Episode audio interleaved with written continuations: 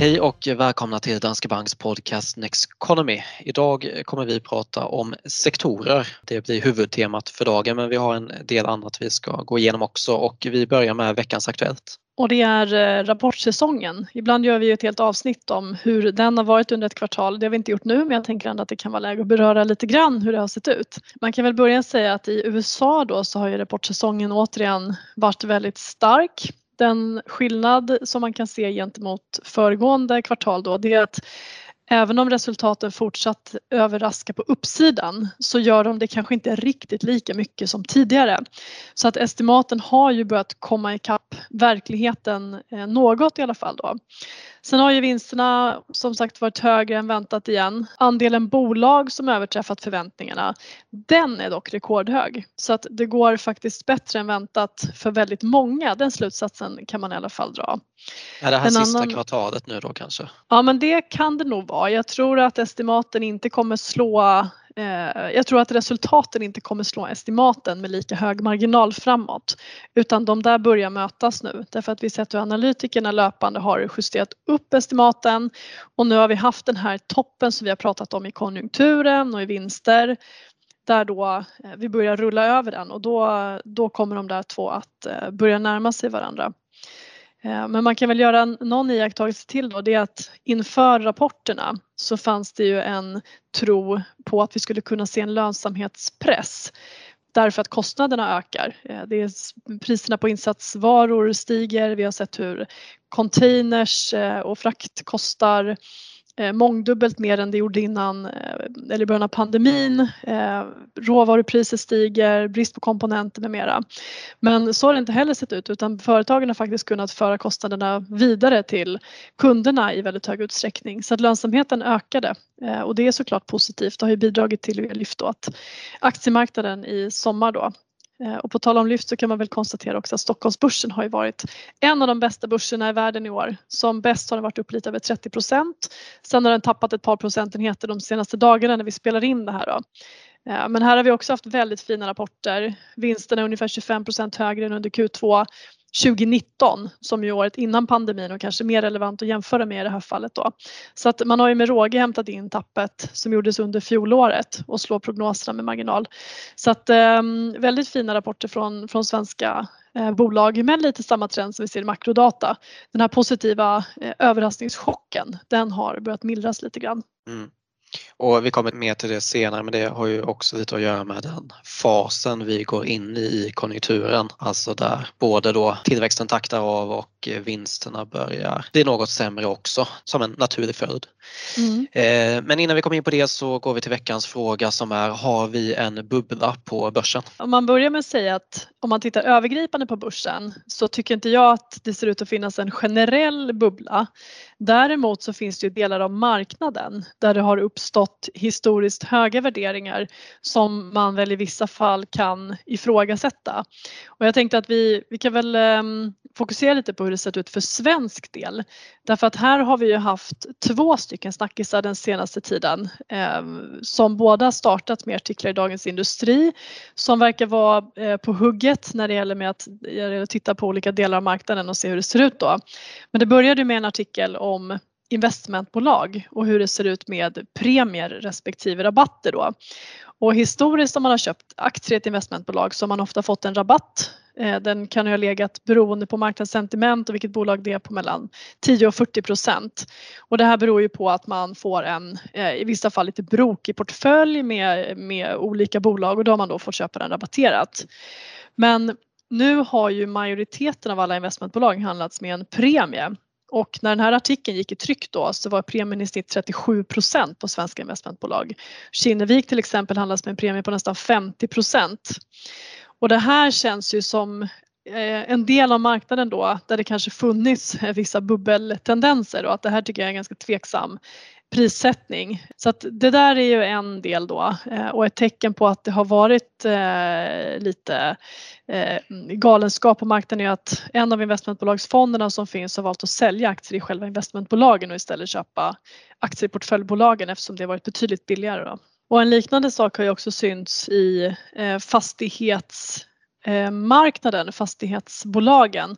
Så att det senaste nu det var ju då när man har gjort en granskande artikel om värderingarna på den svenska fastighetssektorn då.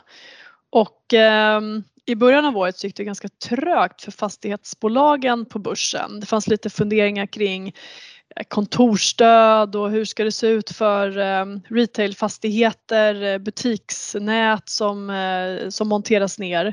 Men sen början av april då när ekonomin började kunna öppnas upp igen så, och räntorna vände neråt så har ju det här förändrats då. Så att bara sedan 1 april så har fastighetsindex stigit över 40 procent och vilket alltså slår börsen sedan årsskiftet med drygt 10 procentenheter. Och man kan väl konstatera att aktiekurser och värderingar har stigit betydligt mer än vad förvaltningsresultaten har gjort. Det här har ju fått effekt då att även fastighetsbolagen handlas till i vissa fall väldigt saftiga premier i relation till substansvärdet i, i bolagen då. Så att i delar av marknaden och framförallt bolag där det också påverkas av låga räntor eh, så finns det bubbeltendenser. Men eh, jag skulle inte säga att man ser det på börsen som helhet och det finns alltid delar av marknaden som är eh, intressanta då. Men något som skulle få kännbara effekter på den här typen av eh, delar av marknaden där, där det finns bubbeltendenser det är förstås stigande räntor. Men för börsen som helhet så skulle jag inte känna någon, någon jätteoro i alla fall givet att inte framtidsutsikterna förändras dramatiskt. Nej och sen så måste man väl någonstans få tid att eh, växa i kapp sin värdering också. Alltså eh, det behöver inte betyda att vi får ett eh, börsras inom den här typen typen av branscher eller delar av börsen som är övervärderad för tillfället men det kan ju vara så att vi får en mer sidledes resa mm. en tid framöver. Eh, men oavsett så eh, tycker jag inte att detta har så stor betydelse om vi ska återgå till någon typ av portföljtänk. För eh, då är det så att en av stoicismens grunder det är att du kan inte kontrollera din omgivning men du kan kontrollera hur du reagerar på din omgivning. Så även om du tycker att allt som pågår runt omkring dig just nu är konstigt så måste du ju själv anpassa dig till den situationen. Så du kommer inte kunna kontrollera om vi får bubbeltendenser på börsen eller om en börskrasch kommer komma. Det du kan kontrollera som vi brukar vara inne på det är ju då din risk du har i portföljen, din strategi och sen också hur mycket du sparar. Så det gäller alltid att fokusera på det man kan kontrollera och hålla sig till den där diversifierade portföljen och den långsiktiga strategin oavsett vad som händer på börsen för tillfället. Mm. Och det är ju också samma sak med just att ha en diversifierad portfölj för får vi då bubbeltendenser i delar av aktiemarknaden så kommer du ju fortfarande ha andra delar i portföljen som gör att det kan väga upp för att du får en nedgång i en del. Mm. Men sitter man med en alltså hög andel fastighetsfond och eh, investmentbolagsfond så eh, är kanske diversifieringen inte så fördelaktig. Ja, exakt. Samma sak med IT. Där är det ju också många som har suttit tunga under många år Mm. Där vi också har en sektor som har gått väldigt starkt och som har gynnats då av de låga räntorna. Och det för oss faktiskt in på just sektorutvecklingen för 2021 för eh, så som det ser ut fram till idag eh, mer eller mindre så eh, ligger IT som en toppsektor tillsammans med kommunikationstjänster och finans även om mm. det är mm. ganska jämnt där uppe. Eh, och IT har ju då, IT har väl kanske varit den eh, sektor som har skiftat mest i värde under året om man säger tillsammans med energi. IT har ju påverkats mycket av förändringarna i den amerikanska långräntan då när man kollar på globala sektorer. Mm. Och man får väl nästan dela in året i två perioder tycker jag när man pratar om sektorutvecklingen för att den har varit väldigt eh, varierande.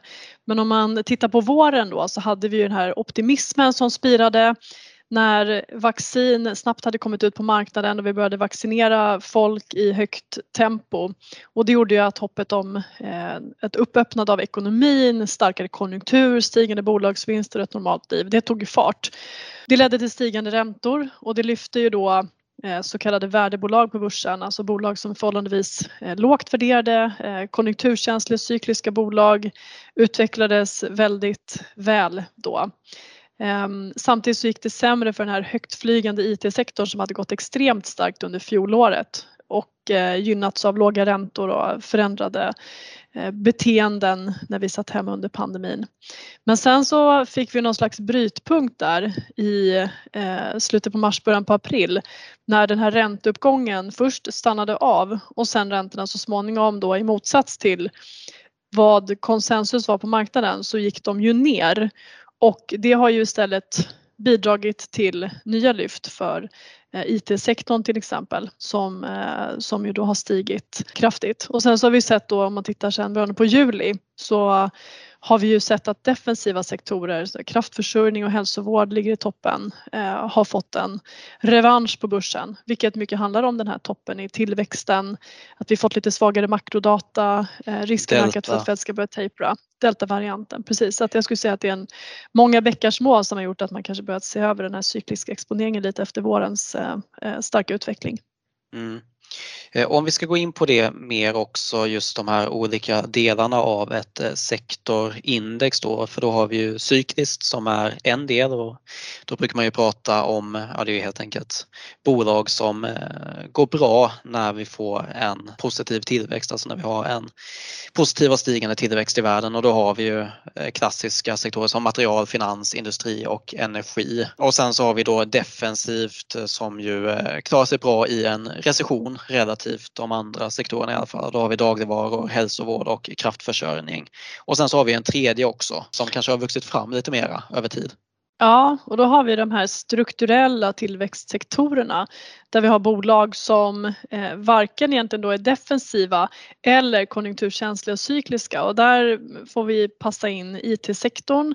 Vi har kommunikationstjänster förstås och sen så skulle jag vilja lägga till då eh, sällanköp och det är ju egentligen tycker jag både en cyklisk sektor men också en sektor som i allt högre grad drivs av just strukturella trender. Och det handlar om att inom sällanköpssektorn som historiskt eh, har varit mer ja, men dels eh, alltså butiker så har vi ju mer och mer online som också väger tungt där och det har ju mm. gjort att det finns en hög andel strukturellt där. Men den, den skulle jag säga svävar lite mittemellan cykliskt och strukturellt beroende på. Precis. Det man kan säga om just strukturell tillväxt då är ju att eh, marknaden växer starkt vilket då delvis gör att även om du är ett mediokert bolag och du har en, du agerar inom en starkt växande marknad så kommer du fortfarande ha en stark tillväxt. Och också då en annan effekt är ju då att man inte blir lika konjunkturberoende. För även om ekonomin saktar in kommer själva marknadens tillväxt väga upp för tappet. Och då finns det ju som du var inne på där, e-handel är ju en tydlig sån. Eh, vi har ju förnybar energi kan man ju säga som en annan. Men just det här att hela marknaden växer vilket inte påverkar bolaget särskilt negativt då även om ekonomin bromsar in. Mm. Och sen det man kan se då mellan de här olika typerna av bolag det är ju det som man pratar om ganska ofta som kallas för sektorrotation där vi får kapitalflöden mellan olika typer av bolag på börsen och främst har det ju varit att man tittar på hur det sett ut eh, i flöde mellan cykliskt och defensivt men sen som, som sagt så har strukturell tillväxt också vuxit fram och måste tycker jag särskiljas som en egen del på marknaden eftersom det blivit så pass eh, stort då. Också någonting som man pratar om väldigt mycket. Och då brukar man kunna se eh, typiskt i början av året när man ser hur prognoserna för tillväxt och vinster justeras upp, börsen är framåtblickande. Så att det handlar väldigt mycket om, inte kanske det som händer så mycket här och nu och nuläget utan vad är förväntningarna på framtiden och hur förändras de? Då kan man se att vi får den här sektorrotationen där kapital flödar ut från det mer defensiva då, eller från det att eh, strukturell tillväxt som det var i början av året, där allt pengaflöden hade gått till, in i cykliskt istället på börsen.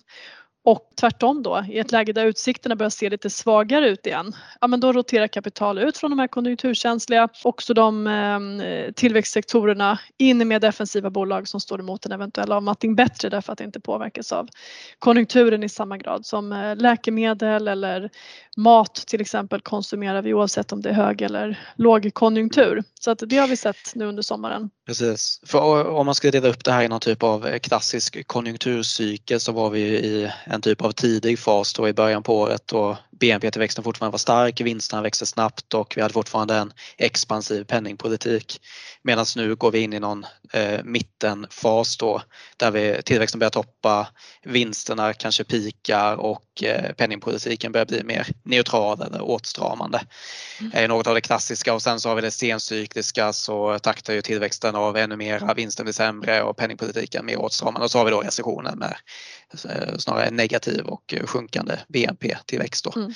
Sen kan man väl eh, säga att det, det, är ganska intressant att man sett att eh, dels här strukturell tillväxt som ju eh, till stor del skulle jag vilja säga så förstås påverkas av förväntningar på tillväxten framåt men som också är väldigt ränteberoende. Vi såg ju att det var det som tog stryk i våras när räntorna steg därför att diskonteringsmodeller då gör att de här aktierna ska värderas lägre och sen så fick vi en ganska hård smäll eh, mot många högt värderade tillväxtbolag på börsen. Eh, men dessutom då så har ju banker utvecklats väl eh, under den här perioden också när, när räntorna har fallit tillbaka. Och banker är ju normalt sett annars en eh, sån räntekänslig del av marknaden så banker gynnas av stigande räntor.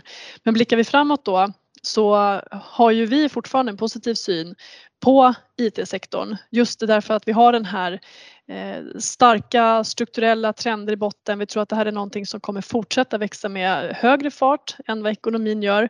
Eh, många av de här bolagen är faktiskt kvalitetsbolag om man tittar på globala eh, den globala IT-sektorn med som starka balansräkningar, stabila kassaflöden och lågkonjunkturberoende. Då. Men sen så gillar vi för tillfället också bank och finanssektorn just därför att vi fortfarande tror att räntorna kommer börja klättra uppåt så småningom. Det kommer inte gå så fort som i våras men räntorna kommer stiga och det kommer vara positivt för banker. Och de gynnas också av den här fortsatta återhämtningen och att det är en hög aktivitet generellt i, i ekonomin. Så att vi har en eh, lite tudelad strategi kan man väl säga. Sen har ju vi gradvis också tagit ner den här cykliska exponeringen lite. Under våren så, så var det lönsamt att vara ganska eh, alltså cyklisk eh, urskiljningslöst kan man väl säga. Alla cykliska sektorer i princip kunde man fokusera på. Men i början av sommaren så, så viktade vi om det där lite. Vi plockade ner material eh, lite grann och sen så tog vi istället upp hälsovård och det har ju varit positivt eh, och är någonting som vi fortsatt tror eh, kommer att utvecklas väl bland de defensiva sektorerna framöver. Inom hälsovård så har vi både de här stabila värdebolagen, alltså stora läkemedelsbolag med stabila eh, portföljer, mogna läkemedelsportföljer. Men vi har ju också tillväxt och innovation så att man får lite av båda delarna där. Precis, och någonting som kan vara värt att nämna där igen då, även om vi då överviktar olika sektorer så är ju inte det några år intänkt där utan det handlar ju någonstans om att ha en diversifierad sektorexponering också och det fina med att då diversifiera portföljen utanför Sverige till exempel det är ju att få tillgång till sektorer som kanske inte är lika stora här och få tillgång till de här stora globala IT-jättarna och sådär. Just vad gäller den här hur mycket man ska ha i, så i de strategier som vi jobbar med så är ju sektorförändringar som vi gör. Om vi har en, en enkel övervikt i en sektor så handlar det om 2% Så att det är inga stora förändringar. Och jag tycker att man ska tänka lite likadant i sin portfölj. Om man till exempel vill satsa på en IT-fond eller eh, må det vara en fastighetsfond, kanske inte precis just nu eh, men vid något tillfälle så ska det inte vara speciellt mycket utan man ska göra ganska små förändringar så att man inte ligger för tungt viktad åt något håll. Sen beror det förstås mm. på hur hög riskaptit man har och eh, man kan ju ha en bestämd uppfattning om någonting. Men, men generellt så ska man ju hellre göra, kanske göra en liten förändring än att gå för, för hårt in på någonting. Ja exakt och som vi varit inne på så alltså olika sektorer tenderar att gå bra vid olika tillfällen och det gör ju alltså resultatet av det om du då har en diversifierad sektorexponering så kommer du få en jämnare resa över tid vilket är positivt för de allra flesta för att mer svängningar tenderar att ge större känslor vilket ger större felbeslut på börsen. Mm, precis. Då tycker jag att vi går vidare till veckans studie som den här veckan heter Determining Withdrawal Rates Using Historical Data och det är av en kille som heter William Bengen. Och det här är alltså studien som ligger bakom 4% regeln som är populär bland FIRE-anhängare. Och det handlar ju då om att du kan plocka ut 4% av portföljen, justera den summan för inflationen varje år och leva på de pengarna under pensionen. Så när din portfölj har nått 25 gånger dina årliga kostnader har du då tillräckligt för att gå i pension är tanken. Så om dina kostnader är 200 000 per år så blir det alltså 25 gånger 200 000 som är lika med 5 miljoner. Det kan ju också vara 50 miljoner, det beror på lite vad man har för Beror lite på vad man har för utgifter. Exakt. Ja. Eh, men studien bygger då på att du ska ta ut pengarna under 30 år och det är väl något som man kanske inte pratar om så mycket alla gånger när det gäller just FIRE för då tänker man ju säga att man går i tidig pension och sen så lever man på portföljen resten av livet. Men eh, sen så har det gjorts andra studier senare och sådär också. Så, så eh, ja. Det som han ville komma fram till då är ju vad som var det maximala uttaget du kan göra från din portfölj för att få pengarna att räcka i 30 år och då kom han fram till att det är 4% när han studerar data mellan 1926 till 1976. Den här studien är alltså från 1984 så han har några år på nacken då. Men han kom också fram till att tidsperioder på upp till 33 år alltid har fungerat och ofta har 50 år fungerat också. Och det optimala är att ha mellan 50 till 75% av portföljen i aktier och resten i räntor. För har du för lite aktier blir avkastningen inte hög nog och har du för mycket kommer portföljen drabbas för hårt vid börskrascher när han har tittat historiskt. Då. Eh, och jag tycker det var intressant för han skriver även om tre olika grupper av investerare då beroende på vilken marknad man ställs inför när man plockar ut pengarna. Och då har han dels då the black holes som man kallar det. Det är de som har stått inför en kris när de börjar plocka ut. Och sen har han the stars som har stått inför ett börsrally. Och så har han the asteroids som har stått inför en förhållandevis normal marknad. Då. Och för gruppen black holes är det alltså viktigt att stå emot den här viljan att sälja när det ser som mörkast ut, alltså när man går ner i den här börskraschen precis när man börjar ta ut pengarna. Och för stars är det viktigt att inte ändra den här uttagsandelen bara för att marknaden har gått starkt ett tag. Eh, någon gång vänder då och då kommer man behöva det här uppbyggandet byggda kapitalet för att täcka framtida nedgångar. Och sen asteroids, det är då de enklaste gruppen att hantera som rådgivare för de får ungefär vad de hade förväntat sig. Och den här studien som jag var inne på är alltså från 1994 och det har kommit en del studier efter det. Det finns en som kallas för Trinity-studien som döptes efter att den är gjord vid Trinity University och den säger ungefär samma sak. Men sen har det också kommit studier som har kollat på upp till 60 år. Mer så här från FIRE-communityt om man säger. Och eh, då är den stora skillnaden att då behöver man nästan ha 100% aktier för att det ska kunna täcka den där tidsperioden. Och att procentsatsen kan behöva minskas till mellan 3 och 4 procent beroende på vilken studie man kollar på. Och sen så har det också kommit, eh, där man kollat på värderingar, så har man utgått ifrån ett eh, cykliskt justerat eh, PE, alltså KAPE då. Och är det över 20 så kan det också innebära att du måste sänka procentsatsen. Sen har också Bengen kommit med nya uttalanden i mer så här nutida intervjuer där han menar att man skulle kunna öka uttaget till 5 under den här 30-årsperioden idag med tanke på den låga inflationen då eller i alla fall den låga inflationen vi hade fram till idag. På hans tid så var ju inflationen ganska hög så den hade stor effekt på uttagen. Då. Mm. Eh, så eh, ja, jag tycker det är en ganska intressant studie och särskilt om man är intresserad av den här eh, hela FIRE-konceptet så är det ganska intressant att gå tillbaka till den här och läsa vad ursprunget är. Han har själv sagt att det här 4 regeln det var något som plockades upp från media. Den hade ett ganska tråkigt namn den här studien men, men 4 regeln var lite mer säljande. Då. Mm. Det här är ju intressant och FIRE, alltså det, det, är ju äldre studier så att det här tänket kring hur mycket kapital man behöver för att kunna leva på det, det har ju eh, förstås funnits mycket längre. Men det känns som att det har ju spritt sig till ett betydligt bredare grupper och att det är många fler som, som har det här tänket och förhoppningen om att man ska kunna bygga upp ett kapital eh, som gör att man får frihet att kanske jobba mindre eller i vissa fall eh, också helt slippa jobba och kunna leva på det. Men det har varit en ganska speciell period när den här rörelsen har vuxit som starkast. När vi har haft det här läget med ja, man får nästan säga ständigt sjunkande eller väldigt, väldigt låga räntor som har gett väldigt mycket bränsle till börsen. Eh, det har varit förhållandevis lätt att investera på börsen under ganska många år och få kapitalet att växa rätt snabbt. Och den här senaste krisen, ehm, alltså nedgången när coronakrisen startade, den var ju så snabb att det är klart att det fanns en del som sålde i panik på botten men vi hann ju aldrig få det här långa svarta scenariot som vi hade under finanskrisen där börsen sjönk under en längre tid och där vi hade en lågkonjunktur som varade Eh, betydligt längre och en, en ja, betydligt långsammare återhämtning. Det här var ju nästan så att det gav folk mer smak tror jag i efterhand därför att det gick så otroligt snabbt. Sen vände det brant uppåt, eh, mycket kapital flödade in på börsen och man eh, känner kanske att det är nästan positivt att det kommer en kris för att då kan man snabbt fyndköpa och så går det upp igen. Och det här är ju inte riktigt den verklighet man har att förhålla sig till om man tittat på kriser historiskt utan det här var ju väldigt, väldigt speciellt. Och de senaste tio åren skulle jag också säga är väldigt speciella med tanke på det här globala noll eller lågränteläget som vi har haft? Ja, alltså när de började göra de här studierna på Cape och om det är högt eller inte om man satte över 20 som någon typ av gräns. Jag tror det, det var kanske för fyra, fem år sedan och vissa som var tidigare än det. Men det, då menar man ju att börsen var extremvärderad men nu tror jag Cape i USA ligger på över 30. Mm. Så just alltså att värderingarna är höga eh, kommer ju ändå på något sätt eh, minska den framtida potentialen. Mm. Så eh, ja, men man får väl ändå, man får ju på något sätt se den här tiden vi har bakom oss som en ganska unik period och ha större marginaler om det nu är så att man ska leva på portföljen. Eh, för annars så kan det bli tufft och särskilt om vi får en, en längre nedgång och när man sitter där med den där portföljen som sjunker i värde som han var inne på, the black holes. Det är inte helt mm. enkelt att stå emot det där att inte sälja då kanske. Mm, precis.